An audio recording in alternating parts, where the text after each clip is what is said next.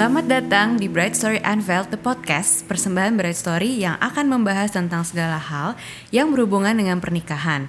Tidak hanya soal persiapan pernikahan, tapi juga tips hubungan dan seluk-beluk kehidupan rumah tangga.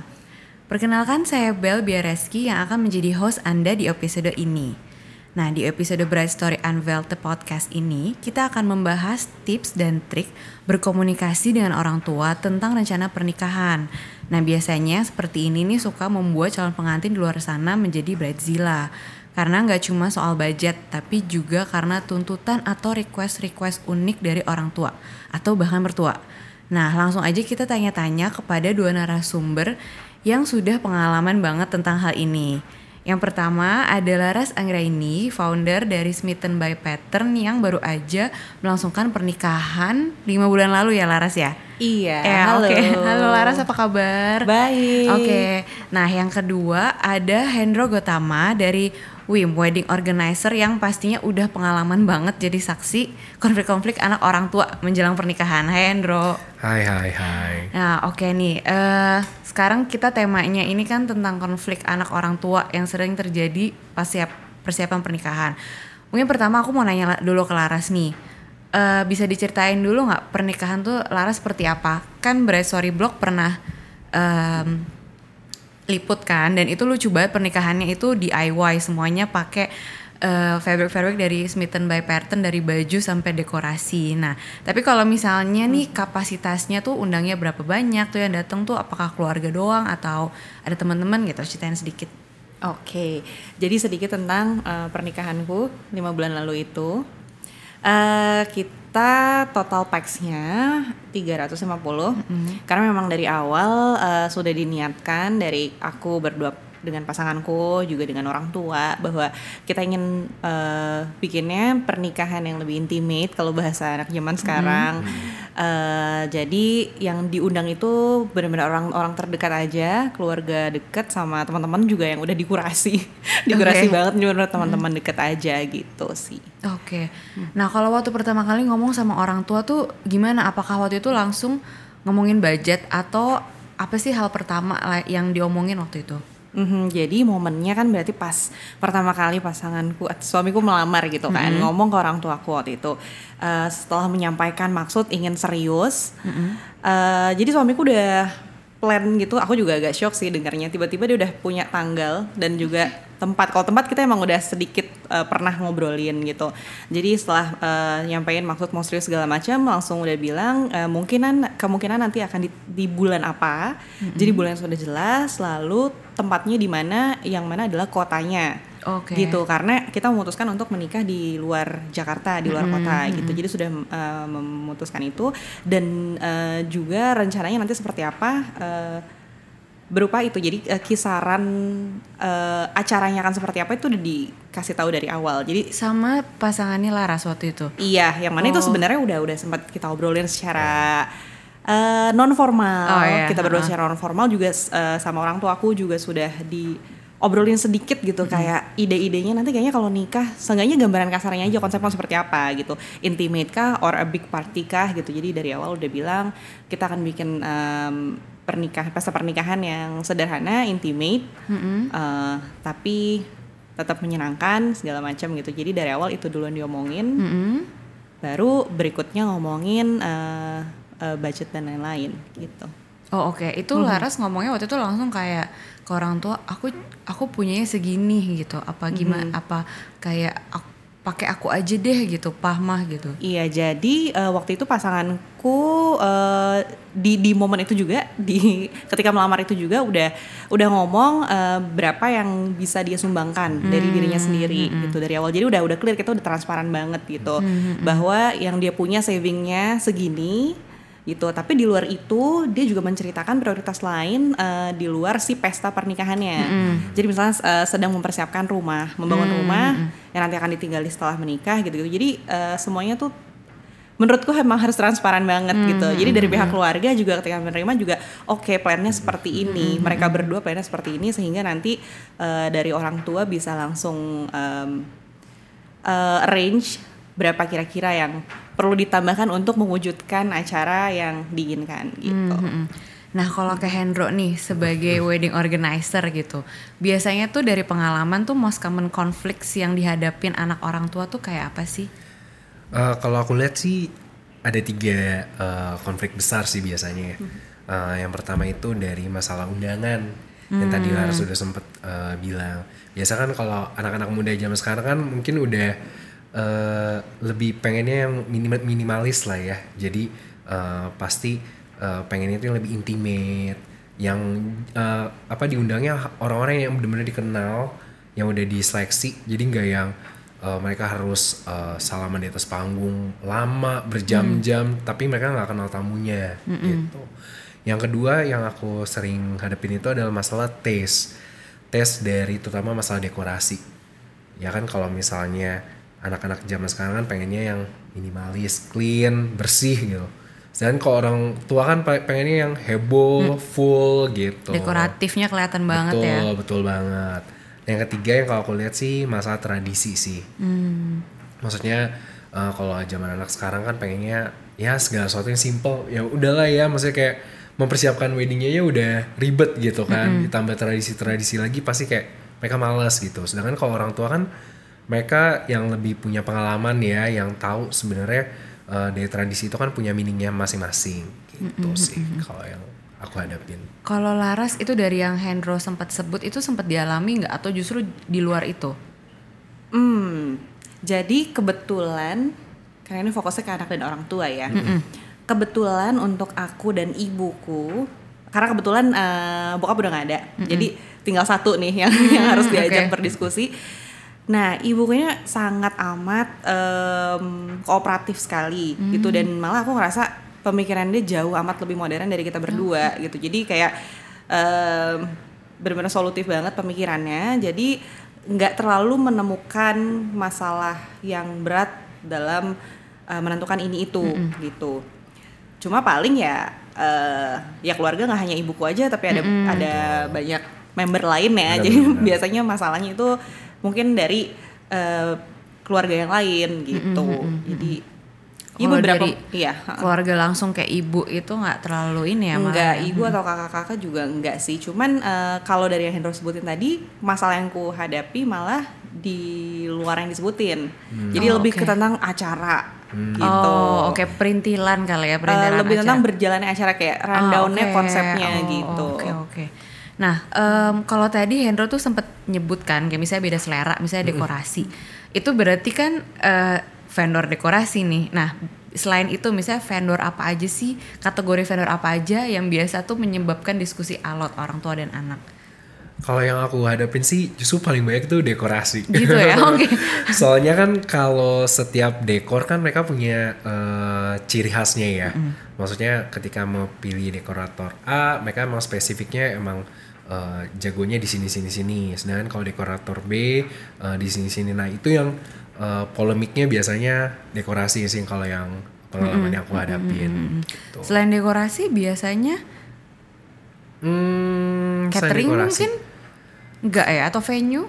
Kalau catering eh, dan venue eh, jarang sih kalau Oh, yang gitu. aku hadapin ya. Maksudnya eh, which is kayak eh, balik lagi eh, ke konsep yang di awal dari masalah undangan karena itu kan mau pengaruh venue. Jadi ketika emang mereka udah sepakat nih eh, untuk jumlah undangnya sekian ya mereka harus cari eh, emang venue yang eh, cukup untuk menampung sekian orang itu. Hmm, Gitu. hmm, hmm, hmm. Nah kalau Laras kan sebenarnya nggak terlalu banyak eh, apa namanya diskusi alot sama ibu kan ya. Em, apa pemilihan vendor itu berarti waktu itu tuh berjalannya gimana tuh Eh, komunikasi sama ibu gitu pemilihannya tuh gimana atau ibu menyelah- menyerahkan semua? Iya, jadi sebenarnya semua keputusan itu di tangan kita berdua. Jadi ma- di tangan aku dan pasanganku. Cuma tadi ngomongin venue aku jadi keinget. Oke. Bahwa memang eh, venue itu emang eh untuk terutama untuk yang di luar kota kali ya, karena Iya, kayak udah udah jauh-jauh nih harus yang maksimal lah venue-nya gitu. Udah ngebawa orang jauh-jauh pasti harus yang maksimal gitu. Jadi wak- waktu itu sempat juga agak sedikit sedikit bukan alot tapi agak susah menentukannya untuk masalah si venue kalau eh, untuk terutama untuk acara-acara yang pengen fokus ke konsepnya em, ke rundownnya segala macam gitu. Jadi bingung banget tuh apalagi di Bandung tuh kan banyak banget tempat lucu ya. Aku kayak wah gila milihnya susah banget mau di hutan mau di taman gitu kan bisa semuanya jadi eh, waktu itu agak sulit memutuskan untuk itu tapi solusinya akhirnya eh, aku membuat scoring sheet Oke. jadi dari berapa Wow, belas tempat keren yang ya. dari berapa belas tempat yang sudah kita eh, kunjungi, Kunjungin. Bingung kan? Dan semua pakai eh, alasan subjektif masing-masing gitu. Kayak ada ibuku yang baru datang, enggak pokoknya nggak di sini, ibu nggak suka Oh, gitu. oke. Terus kayak lah kenapa gitu kan? Nggak suka lah pokoknya dari dari masuk aja udah nggak suka, tapi nggak bisa ngomong kenapa. Akhirnya supaya lebih objektif, aku bikinin scoring sheets. Eh, kita tentukan indikator apa aja yang penting untuk eh, tempat pernikahan kita. Gitu. Jadi mulai dari harga of course terus udah gitu capacity sampai akses parkir sampai akses untuk orang tua karena kita masih banyak eh, sesepuh-sesepuh.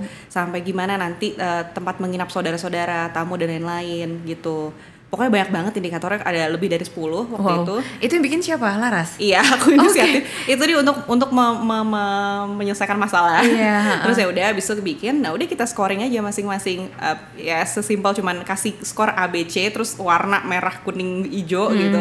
Terus ya udah kesimpulannya dari situ eh ketemu ya udah ada satu ada satu tempat yang emang nilainya semuanya ngasih A Oh, oke. Wow. dan bukan pilihan masing-masing gitu. Oh, Jadi iya. ya udah ini it's a, it's an objective choice gitu. Aha, aha. itu yang ngisi siapa aja waktu itu? Eh, aku eh, suami dan ibuku.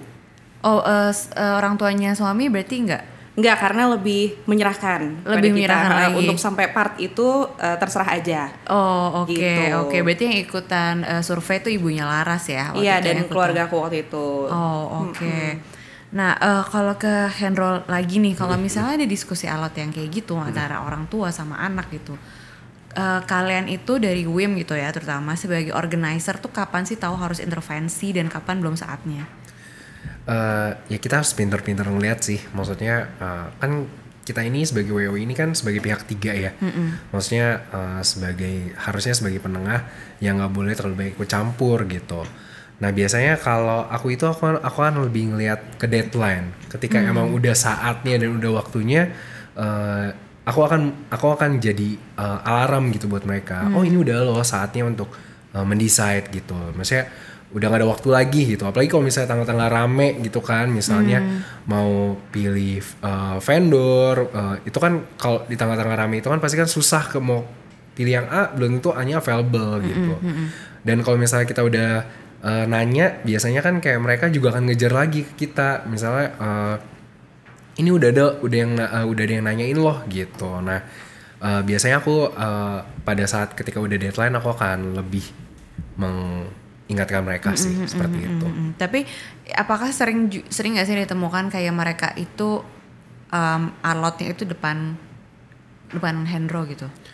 Kalau depan aku sih enggak cuma di Oke. raut muka itu kelihatan Oke. ketika si orang tuanya mau A dan si uh, uh, apa couple-nya itu maunya B itu kelihatan banget deh Hmm. Aura-auranya. orang-orangnya itu berasa Oke.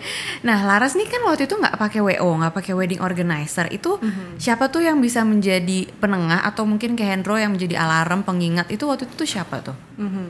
Nah jadi em, menurutku nggak nggak pakai WO itu bukan berarti juga jadinya nggak ada yang ngatur ya nggak ada yang organize. Jadi eh, pada saat itu eh, aku juga membentuk kepanitiaan sendiri yang mana itu adalah keluarga dekat dan teman-teman dan sahabat-sahabat yang eh, sebenarnya tugasnya mereka juga sebagai WO mereka adalah organizer yang juga terlibat dari eh, sebelum acara gitu. Jadi dari sebulan sebelum acara jadi nggak bukan tiba-tiba langsung minta tolong di hari H nggak.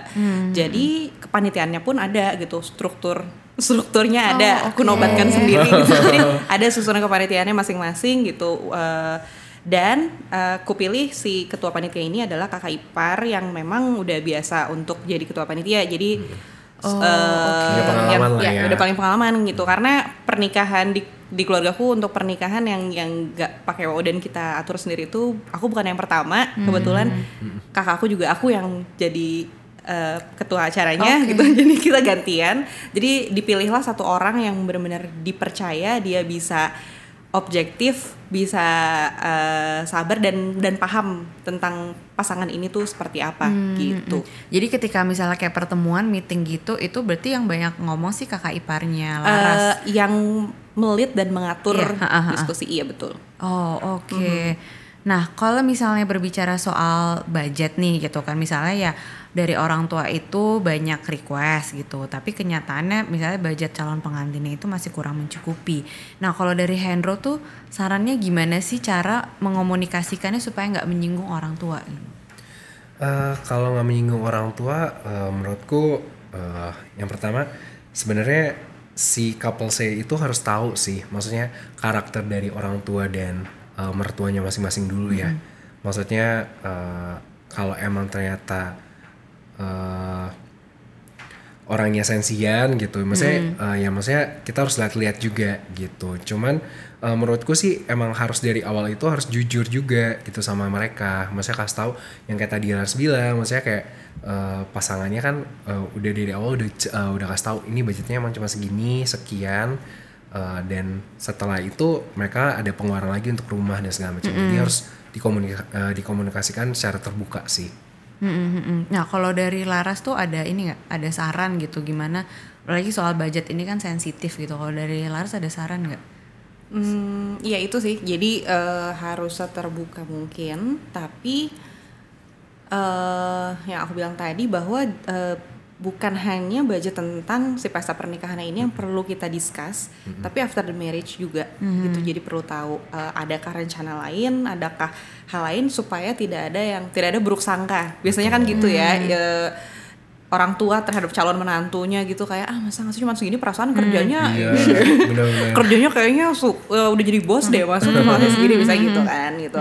Nah hal itu tidak akan terjadi apabila eh, semuanya saling open, saling terbuka dan ibu juga dari awal bahkan dari sebelum menikah, sebelum punya pacar gitu dia udah bilang bahwa akan ngasih jatah segini untuk anak-anak Oh, menikah gitu oke. masing-masing. Jadi dari awal pun aku sudah tahu eh, aku dikasih ibu punya jatahnya berapa gitu terus ya udah eh, calon suami juga dia secara transparan bilang eh, aku adanya segini karena di luar itu yang kusiapkan adalah A B C D E F G terus ya udah tinggal saya saya mencari oke gue berapa ya gitu Oh oke. untuk menutupi itu gitu Bahkan sih. udah dari jauh-jauh sebelumnya ya. Iya, jadi memang kita, kita sebagai anak juga harus terbuka, tapi kita juga harus invite orang tua juga Betul.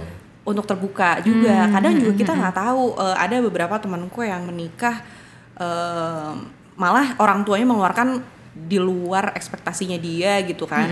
Terus dia khawatir yang kayak eh, bentar lagi kan mereka mau pensiun, gue nggak enak gini segala macam segala macam. Tapi kan kita nggak tahu apakah ternyata memang itu udah di save dari awal, Iya, itu sudah dipersiapkan gitu. Yang ada akhirnya malah jadi saling buruk sangka satu sama lain Iya, ha, ha, ha, ha, gitu. Jadi kita juga perlu tanya rencananya orang tua apa ke depannya di hidupnya mereka dan juga kita sama pasangan. Iya, jangan sampai ternyata habis itu rumahnya nggak ada gitu Iya, habis benar. married kan. Iya, betul. Oke. Nah, terus ke Hendro lagi nih. Mungkin kalau permasalahannya budget bisa dimaklumin lah gitu. Tapi kembali lagi tuh yang yang tadi alot soal dekor, soal eh, taste gitu kan. Nah, kalau dari Hendro tuh gimana sarannya supaya itu komunikasinya tuh nggak berlangsung alotnya terus-terusan gitu. Eh, kalau menurutku sebenarnya eh, dua-duanya itu eh, kan wedding itu kan nggak cuman eh, pasangan doang ya, tapi mem- mempersatukan dua keluarga.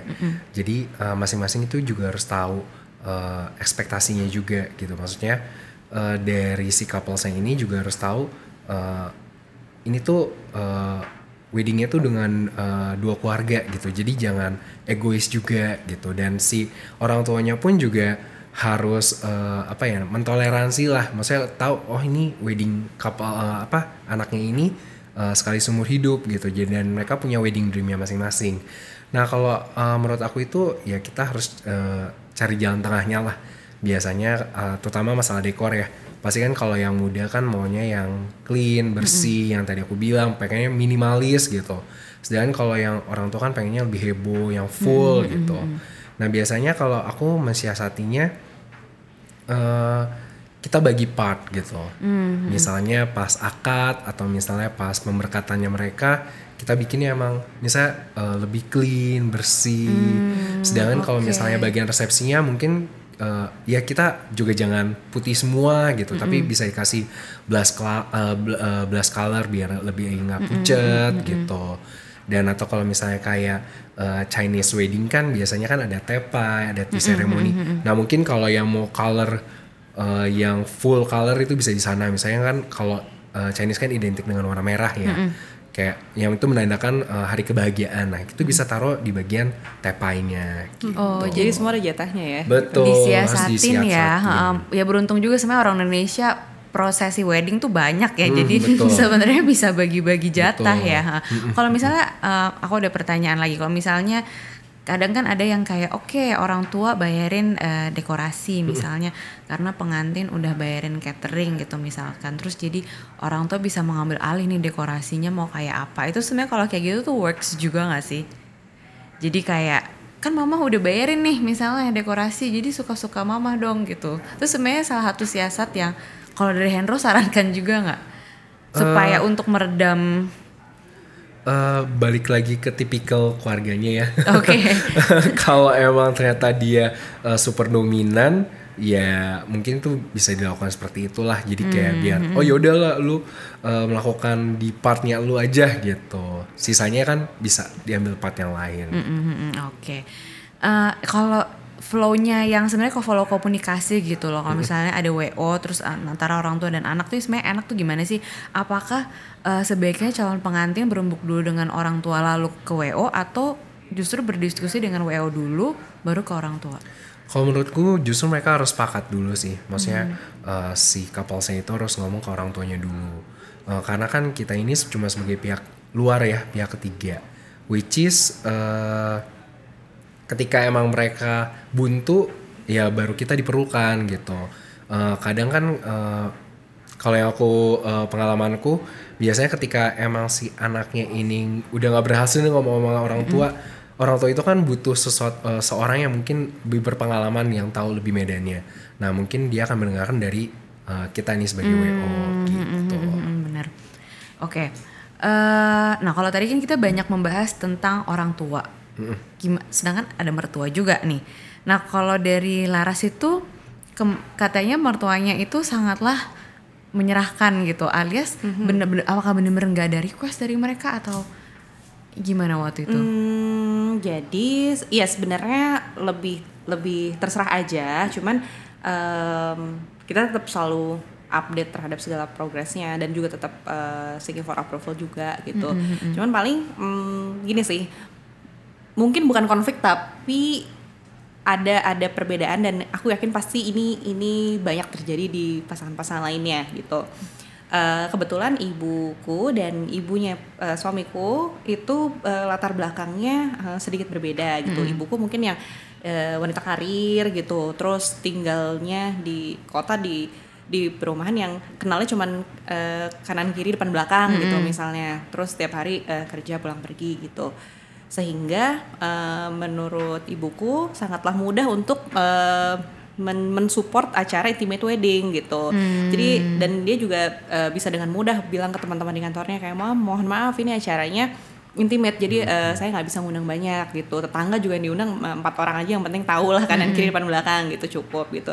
Cuman berbeda dengan eh, mamah mertua yang memang eh, ibu rumah tangga terus juga eh, tinggalnya di eh, di Bandung gitu. Terus eh, sangat eh, lingkungan lingkungannya sangat inklusif sangat dekat satu sama lain. Terus eh, aktif di pengajian dan di organisasi-organisasi lain gitu. Keluarga juga keluarga besar sekali gitu. Jadi pasti sulit buat bilang iya yang diundang cuma boleh segini berapa puluh orang gitu kan. Nanti gimana? Kan eh, pasti juga ada perasaan nggak enak perasaan malu. Nah itu sih sebenarnya mungkin yang sempat menjadi sedikit eh, challenge gitu dalam perjalanan persiapan kemarin gitu. Cuman eh, balik lagi akhirnya kita cari solusi jalan tengahnya seperti apa.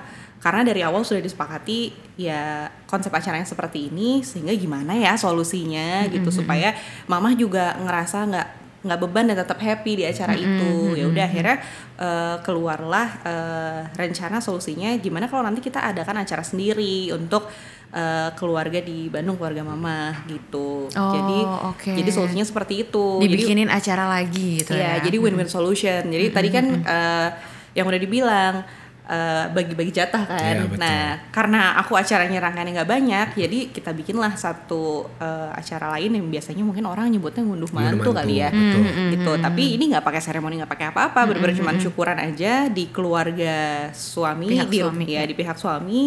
Terus itu kita eh, bebas, ya udah bebas mau undang berapapun dari pagi sampai sore karena di rumah juga acaranya, jadi ya udah bebas gitu. Jadi ya ya semua senang, semua happy Iya, gitu. bener-bener.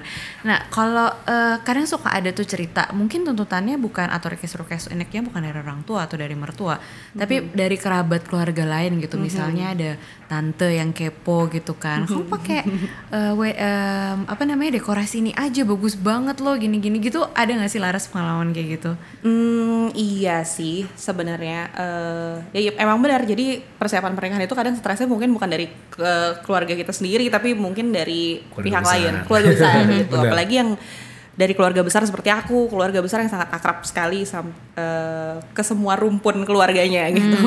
Jadi waktu itu sempat ada eh, challenge-nya itu di bagian eh, acara. Jadi karena keluargaku itu untuk soal pernikahan itu mungkin agak konvensional. Jadi selama tujuh turunan ya belum ada yang pernikahannya kayak pernikahanku kemarin. Itu baru ada tuh sekali gitu. Jadi mereka agak shock juga. Jadi waktu aku aku presentasikan dulu konsep acaranya seperti apa ke om tante terdekat gitu. Terus mereka ad- ada beberapa eh, pihak yang ngerasa kayak eh, jangan jangan jangan dipikir orang tua bisa bisa men- menikmati acara yang kayak gini nih acara anak muda banget gitu. oke. Eh, emang ibaratnya emang yang kamu pikir asik asik buat kita gitu. Iya, iya. ya jadi Oke. jadi sempat dibilang jangan asik sendiri nanti kalau orang lain ada yang nggak happy gimana di acara lo gitu. Nah itulah. Baru tadinya semua perjalanan lancar banget kayaknya gitu kan happy dijalani dengan mudah. Pas ketemu kritik seperti itu tuh aku langsung kayak kepikiran banget terus langsung ya jadi jadi beban gitu kan kayak aduh gimana nih kalau misalnya ternyata benar yang dikatakan gitu kan. Jadi sempat sempat eh, mungkin agak sedikit konfliknya di situ. Eh, nah ya udah sampai akhirnya adalah momen sedih-sedihnya nangis-nangisnya cerita ke teman yang juga merupakan panitia dari acara itu. Terus akhirnya malah kita tercipta satu ide eh karena gini kita coba pahami dulu apa ya sebenarnya yang jadi insight dari orang-orang tua ini kan yang keluar emang kadang-kadang orang tua kata-katanya ya ya apa yang ada di pikiran mereka aja Iya, gitu kan. dikeluarin Iya. aja. Emang menurut menurut kamu asik, menurut kita asik gitu kan. Waduh. Terus kita kayak asik kok gitu kan. Enggak, tapi sebenarnya setelah dipahami adalah bahwa oh iya juga ini ini uh, konsep acara yang terlalu shocking buat generasi mereka gitu. Apa nih ada speech gitu kan. Mungkin karena Laras juga pikir eh, nggak ke- nggak kepikir karena Ibu Laras sudah setuju kali ya. Betul. Jadi, heeh. aku aku tidak pernah melewati penolakan Hmm, gitu di keluarga inti gitu kan.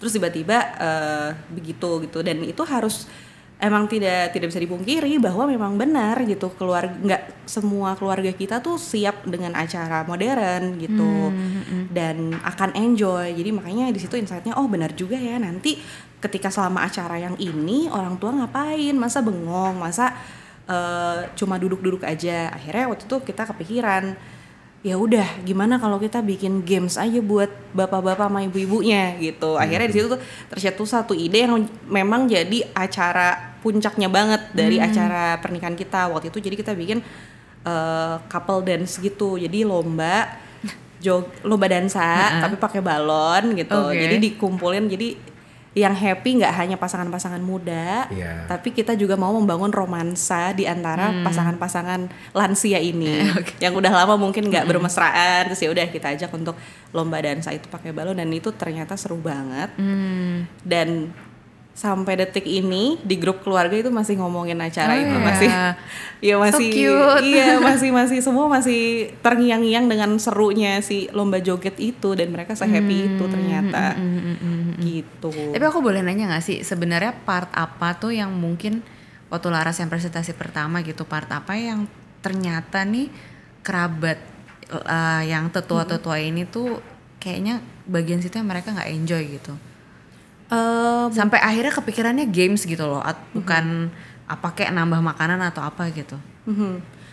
Eh, karena dari susunan acara, karena waktu itu memang yang lainnya udah setuju sih kalau soal makanan segala macam itu udah udah lewat lah ya, udah lulus lolos. nah tapi begitu pas ngomongin rundown, mungkin memang terlihatnya ini agak eh, anak muda sentrik banget nih gitu. Karena susunan acaranya dari aku juga ngomongnya iya ini acaranya nanti santai. Terus bajunya nanti santai. Oh, terus oke. eh, musiknya nanti 90-an gitu. Terus nanti ada speech dari sahabat terus kayak speech gitu kan. Kayak nggak di biasanya pernikahannya pernikahan tradisional kan Iya. keluarga Iya, besarku pernikahan tradisional yang benar-benar pakai adat gitu kan. Iya nanti terus ada speech terus ada nanti ada surprise buat ini gitu-gitu. Terus yang mereka kayak wait wait wait apa nih gitu kan? Terus di mana part gue bisa enjoy dan excited dengan acara ini gitu. Nah kita juga ada juga anak muda atau pasangan muda yang eh, mikir kenapa sih udah ngedumal duluan? Yang kayak kenapa sih nggak ada yang ngerti? Gitu. Kita kan anak muda pengennya kayak gini gini gini gitu kan.